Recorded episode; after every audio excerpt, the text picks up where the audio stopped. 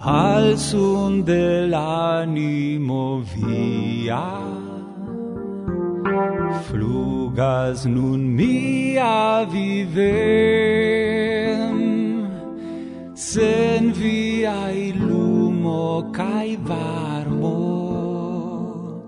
restus nur timo cae trem. Tago y pasadas en halte, ardas las un propasi, daure la cosmofe.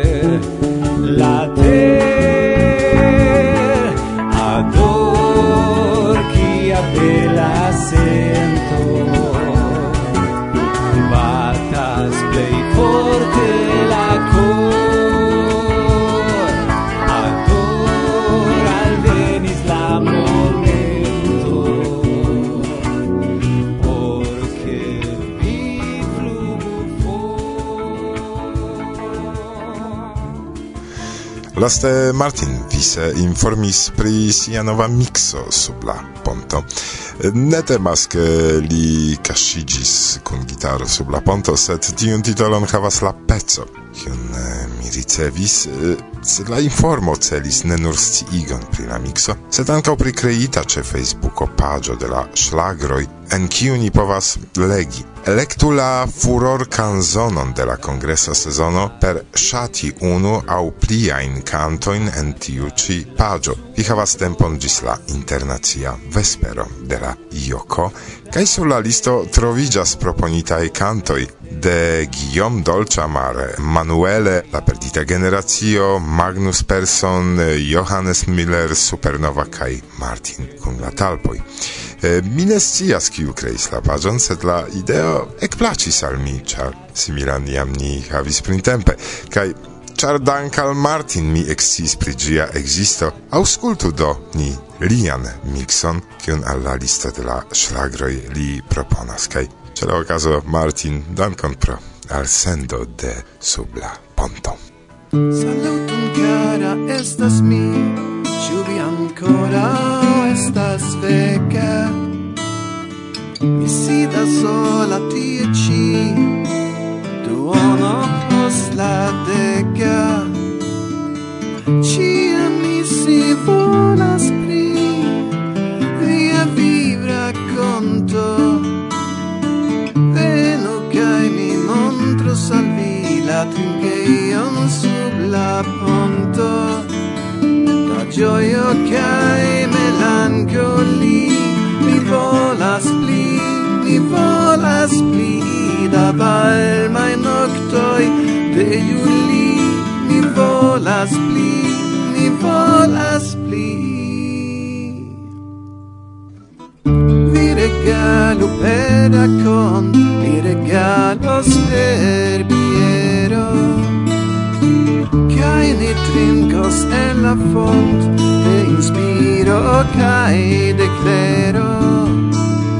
Cio quasau pallucci En la nocto brila Ni por momento trompos nin Che la vip estas facila Da gioio cae melancoli Ni volas pli, ni volas pli Da varmai noctoi de Juli Mi volas pli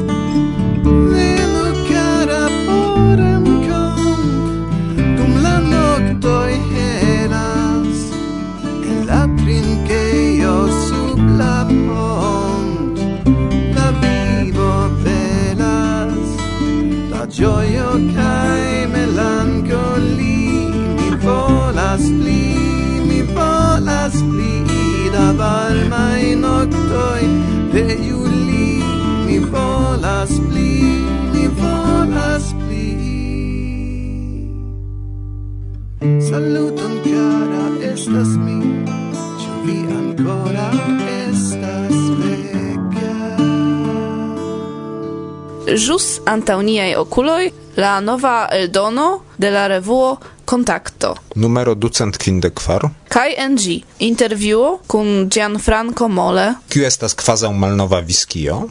La blaga blogo blogo de malsaĝa demandanto en kiu oni ekscios ke oni ne ĉiam valoras demandi knabinojn pri certaj aferoj. Ĉef artikolo Mia malkovro de Japanio. Kiun verkis iamaj redaktoroj de Kontakto Żenia kaj Joel Amis. Rakonto pri la fiŝkaptisto kaj la komercisto. Fabelforma dialogo el Irano. Kontakto daŭrigas la temon pri la ora jubileo. Sekve troveblas interesa intervjuo kun Roman Dobrzyński, kiu rakontos kiel oni redaktis la revuon antaŭ ol ekzistis la reto, ĉirkaŭ kvardek kvin jaroj antaŭe. Interesaĵo pastaża religia kapvesto por aŭstra shoforo pri kio pli poste rakontos al ni Goŝka M. Sekvas artikolo pri la muzeo de Napoleono en Kubo. Kaj ankaŭ oni povas legi pri rusa matrioŝko kiel la objekto en si mem, rekomendinta ĉar tio estas tre konata simbolo, sed malmultaj homoj scias pli pri ĝi.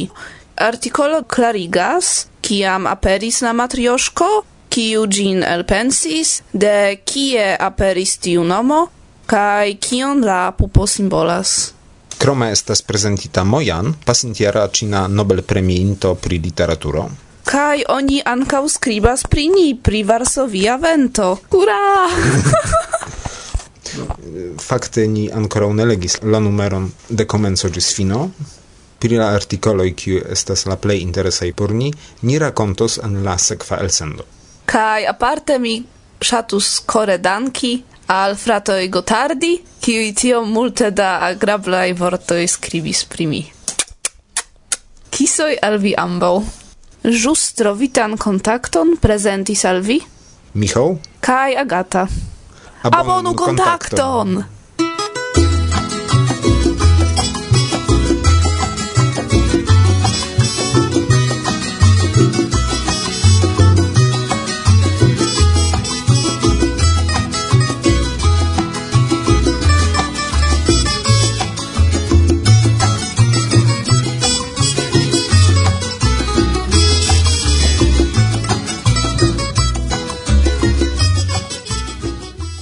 via vento. Bla, bla, bla. Ciam mi vidis menciajon pri eklezio de fluganta spaghetti monstro, mi sciis che mi devas raconti pri la articolo. Mi mem credas en simila obiecto Teo Crucio de Russell. Articolo nomigas pastaża religia capvesto por austra shoforo. Tradukis gin, lau informoj de novasz agentejoj Sergeo Tirin. Ecclesio de fluganta spaghetti monstro estas parodi religio, creita kiel protesto kontraŭ intelligenta planado, kiu mem kontraŭis teorion de evoluo. Aŭstra ŝoforo Nico Alm deklaris al aŭstra ŝtato, ke li estas kredanto de tiu eklezio. Pro tio li rajtas havi stir permesil foton kun religia kapvesto sed la capvesto de la ecclesio estas compreneble cribrilo, tio kion vi uzas por forversi aquon post cuirado de spaghetto. Kai li sukcesis ekhavis tirpermesilon kun foto en kiu videblas cribrilo sur lia capo. En contacto vi vidos gin. Sekva paŝo de Niko estas pledi ke Aŭstrio oficiale rekonu pastofarismon kiel religion. Aldonajo de Goszka, bedaurinde sama strebo en Polando ne sukcesis. Prezentis Goszka me.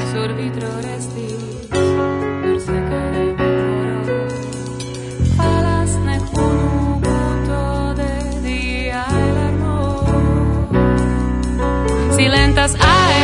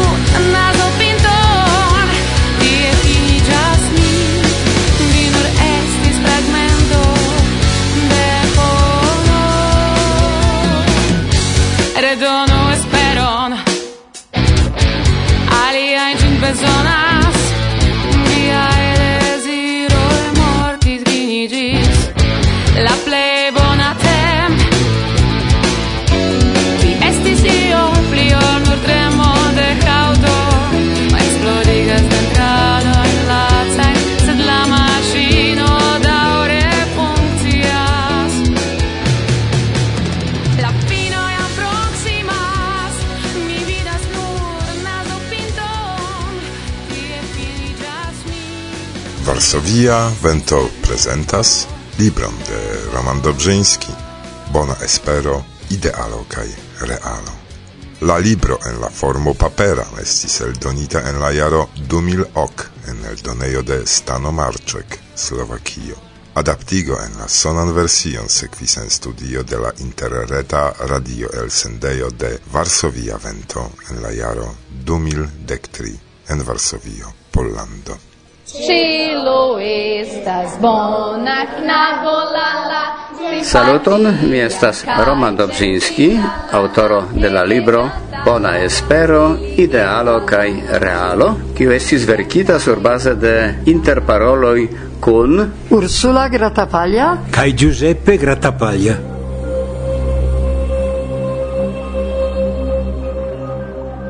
Comenzu liberigi de la sclavezo de superfluo, de la moderna freneso de ricezzo. Pietro Ubaldi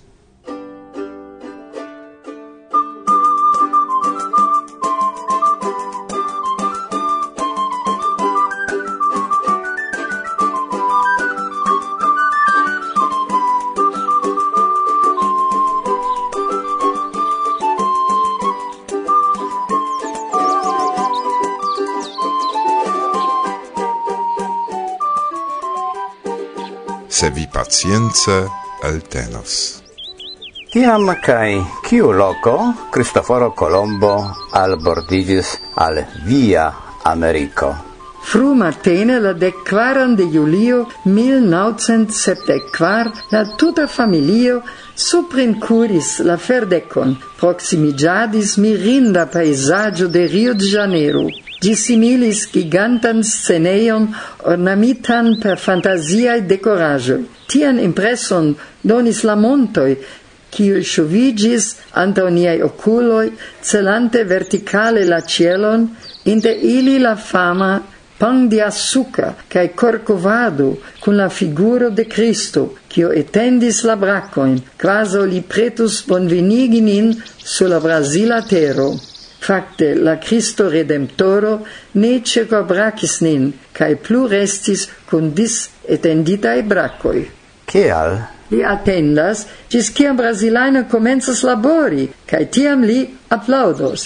Tian interpreton mi audis de Cariocas kiel si nomas la loĝantoj de Rio. La Cristo de Rio estas interesa ekzemplo de internacia kunagado. La pola skulptisto Paul Landowski, vivinta en Francio, projektis la figuron kaj persone skulptis ĝiajn manojn kaj kapon. Brazilanoj arkitekto Eitor Silva kaj inĝeniero Pedro Viana construis la tuton.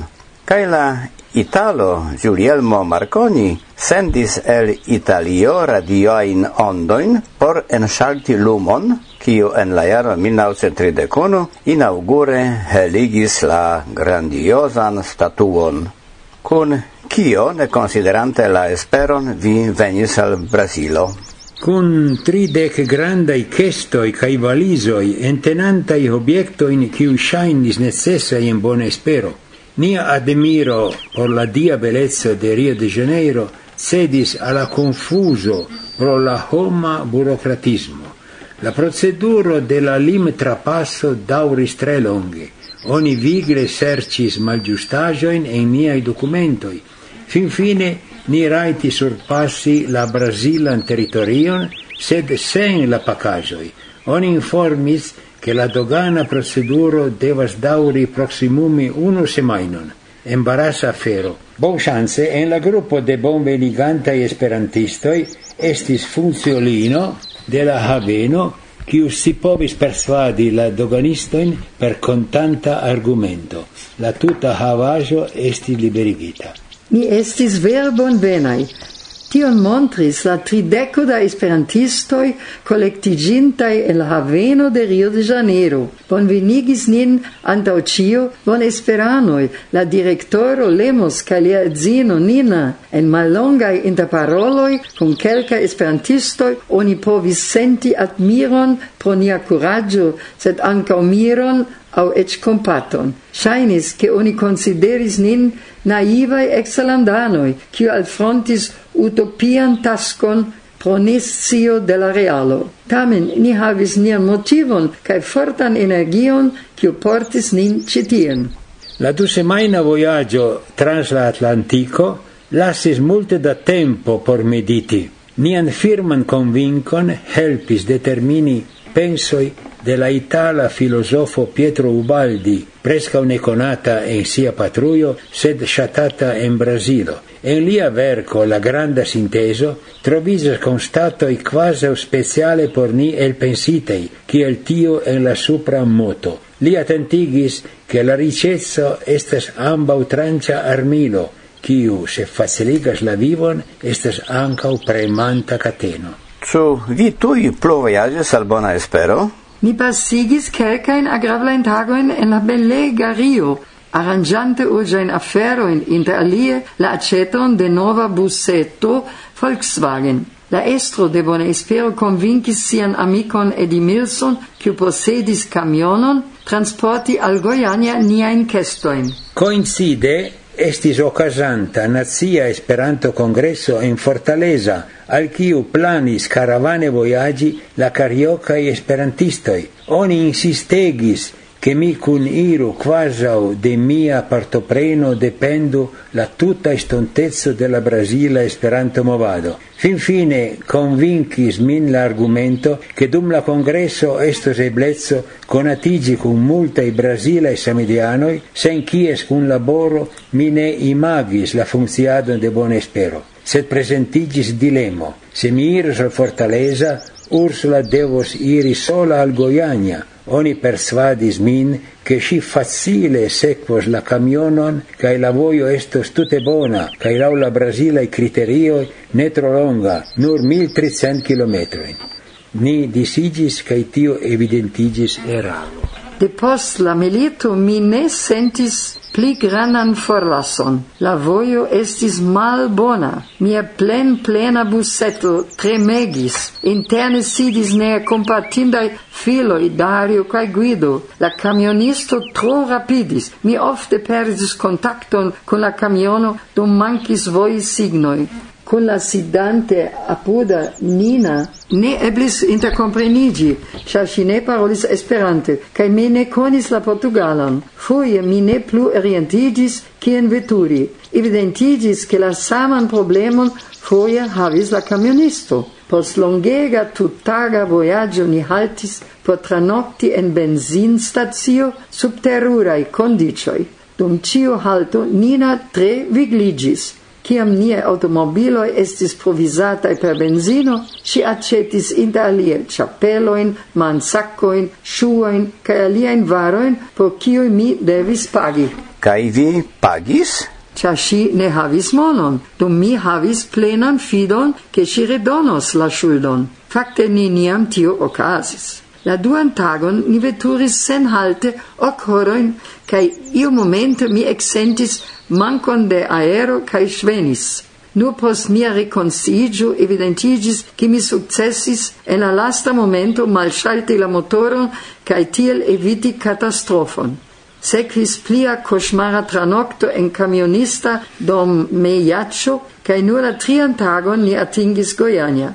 Tie Lemos logigis nin en domon de sia conatulo, kie mi reaciris fisican cae psican equilibron, attendante la alvenon de Giuseppe. Giuseppe, ĉu via voio estis pli facila? Tut certe pli longa. La distanza inter Rio de Janeiro cae Fortaleza estes 2800 kilometroi. Nia busso haltadis nur por aceti benzinon cae atingis la celon post quinde quin horoi. Simila caravano organizzata de mi en Europo besonus quin tagoin. Post la congresso mi voyagis de Fortaleza al Goiania, 2300 km, cum esperantista e la stato Goiais lau la sama ritmo. Nur tiam mi comprenis che la Brasile e por partopreni sien arrangioin devas foie travoiagi distanzon kiel de Portugalio al Uralo. Fakte Brasilo, la usia sul fazzo presca vegalas al Europo. Sen depende de tio leciono pri geografio, mi conatigis cum proximume ducent Brasila esperantistoi, kio lau mia imago estis devonta contribui alla construado de Esperanto ponto inter ambau continentoi. En Goiania, attendante mian edzon, mi accetis mebloin, cune con necessai accessoragioi por nia logeio en bona espero. Nina ca sia edzo forte forlogis min de tio superflua laul ili el speso. La resonado de Nina nervosigis min, cia dum la vojaĝo de ri al Goiania mi el spes 1500 dolaroin por la agioi cion si consideris necessai. Solo che si fervore daurigis sian accettadon per mia mono. Revidinte Giuseppe, mi tiel ec gioies che mi pardonis ali mian martir voion. Pro la aceto de la mebloi mi estis contenta, char persecutis min mornai imagoi pri la lodge condicioi in buon espero. Per luita granda camiono cae la propria busseto ni startis por la lasta etapo de nia pilgrimado al iu pli bona mondo cae pli felicia homaro, kiel informis la circulero, kiu instigis nin visiti bonan esperon la unuan foion en la pli bona mondo attendis nin resideio nomita Blanca Domo, quancam de gia blanchezzo restis nur malpure grisa rememoro. Gi estis de longe ne usata barraco kion la directoro decidis adapti kiel nian loĝejon. Super gia duono mancis tegmento, cae en la alia parto estis arrangita baneio cuireio, deponeio, salono cae tri chambroi. Mancis pavimoi, pordoi cae finestroi, interne regis malordo.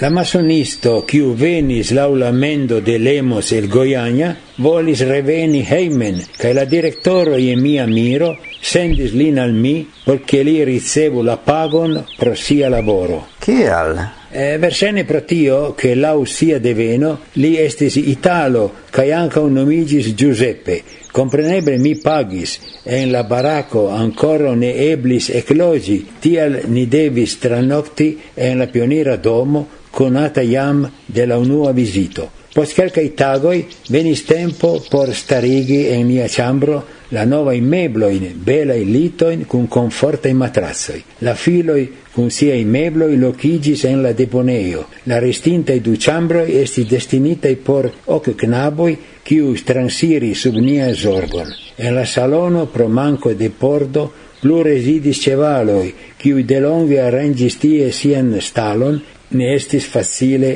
sen heimigi ilin. Cetere uno el ili, la blanca, iam pli frue ludis misteran rolon, char Enzo Ferraris fixi gin en sia visio pri bona espero. Tamen, apartan intereson vecis nigra cevalo, al kiu mancis la destra oculo. El cio rezultis ĝia handicapo?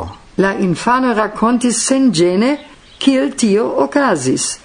Foje unu knabo declaris che li pretas el elpiki oculon de la cevalo. La alia dubis dirante, tut certe vi ne capablas tion fari. Do la knabaccio prenis bambu bastonon cae provis sian capablon. Mi compatis la sen oculan nigrulon cae amicigis cun gi. Dum quelca iaro la cevalo estis mia cefa vitorilo, Kiom da kilometro mi raidis su gia doso, tra la savano, trans riveroi, su mont declivoi. Gi estis prudenta besto, sincere dirita, foie pli saggio ol gia Amazono. Ĉu la originalaj ludmanieroj de viaj prizorgatoj ne timigis vin? Iom post iom ni volis, vole ne vole, e coni la veron pri la crima pasintezza de niai lernantoi, gine concernis ciuin, sed pli malpli la duonon. Pli frue ni nur audis pri tiu temo svagain aludoin, iu momente mi aliris documentoin cui confirmis che la Federazia Ministerio de Justizio tractis bonon esperon kiel casa di custodia alivorte kiel institucion por gardi iunai crimuloin, kiu pro sia agio ne povis esti condamnitai. Recompense la ministerio pagis fixitan sumon por ciu lernanto. Tamen ne eblis orientigi pri la valoro de la empagatai sumoi, ni ne povis in rigardi finanze in documentoi, char ili simple ne existis. Crome ni havis nenian formala in raiton, se nur ne defineblan devon daure covri el spesoin. Ni estis complete perdigintai en malluma, en malcutima situatio, cae lasis nine directi per nia idealoi. Subite starigis monto da problemoi kiu ni ne rimarcis dum la crisnasca feriado, ciam ni faris la unuan provon servi alla tria mondo.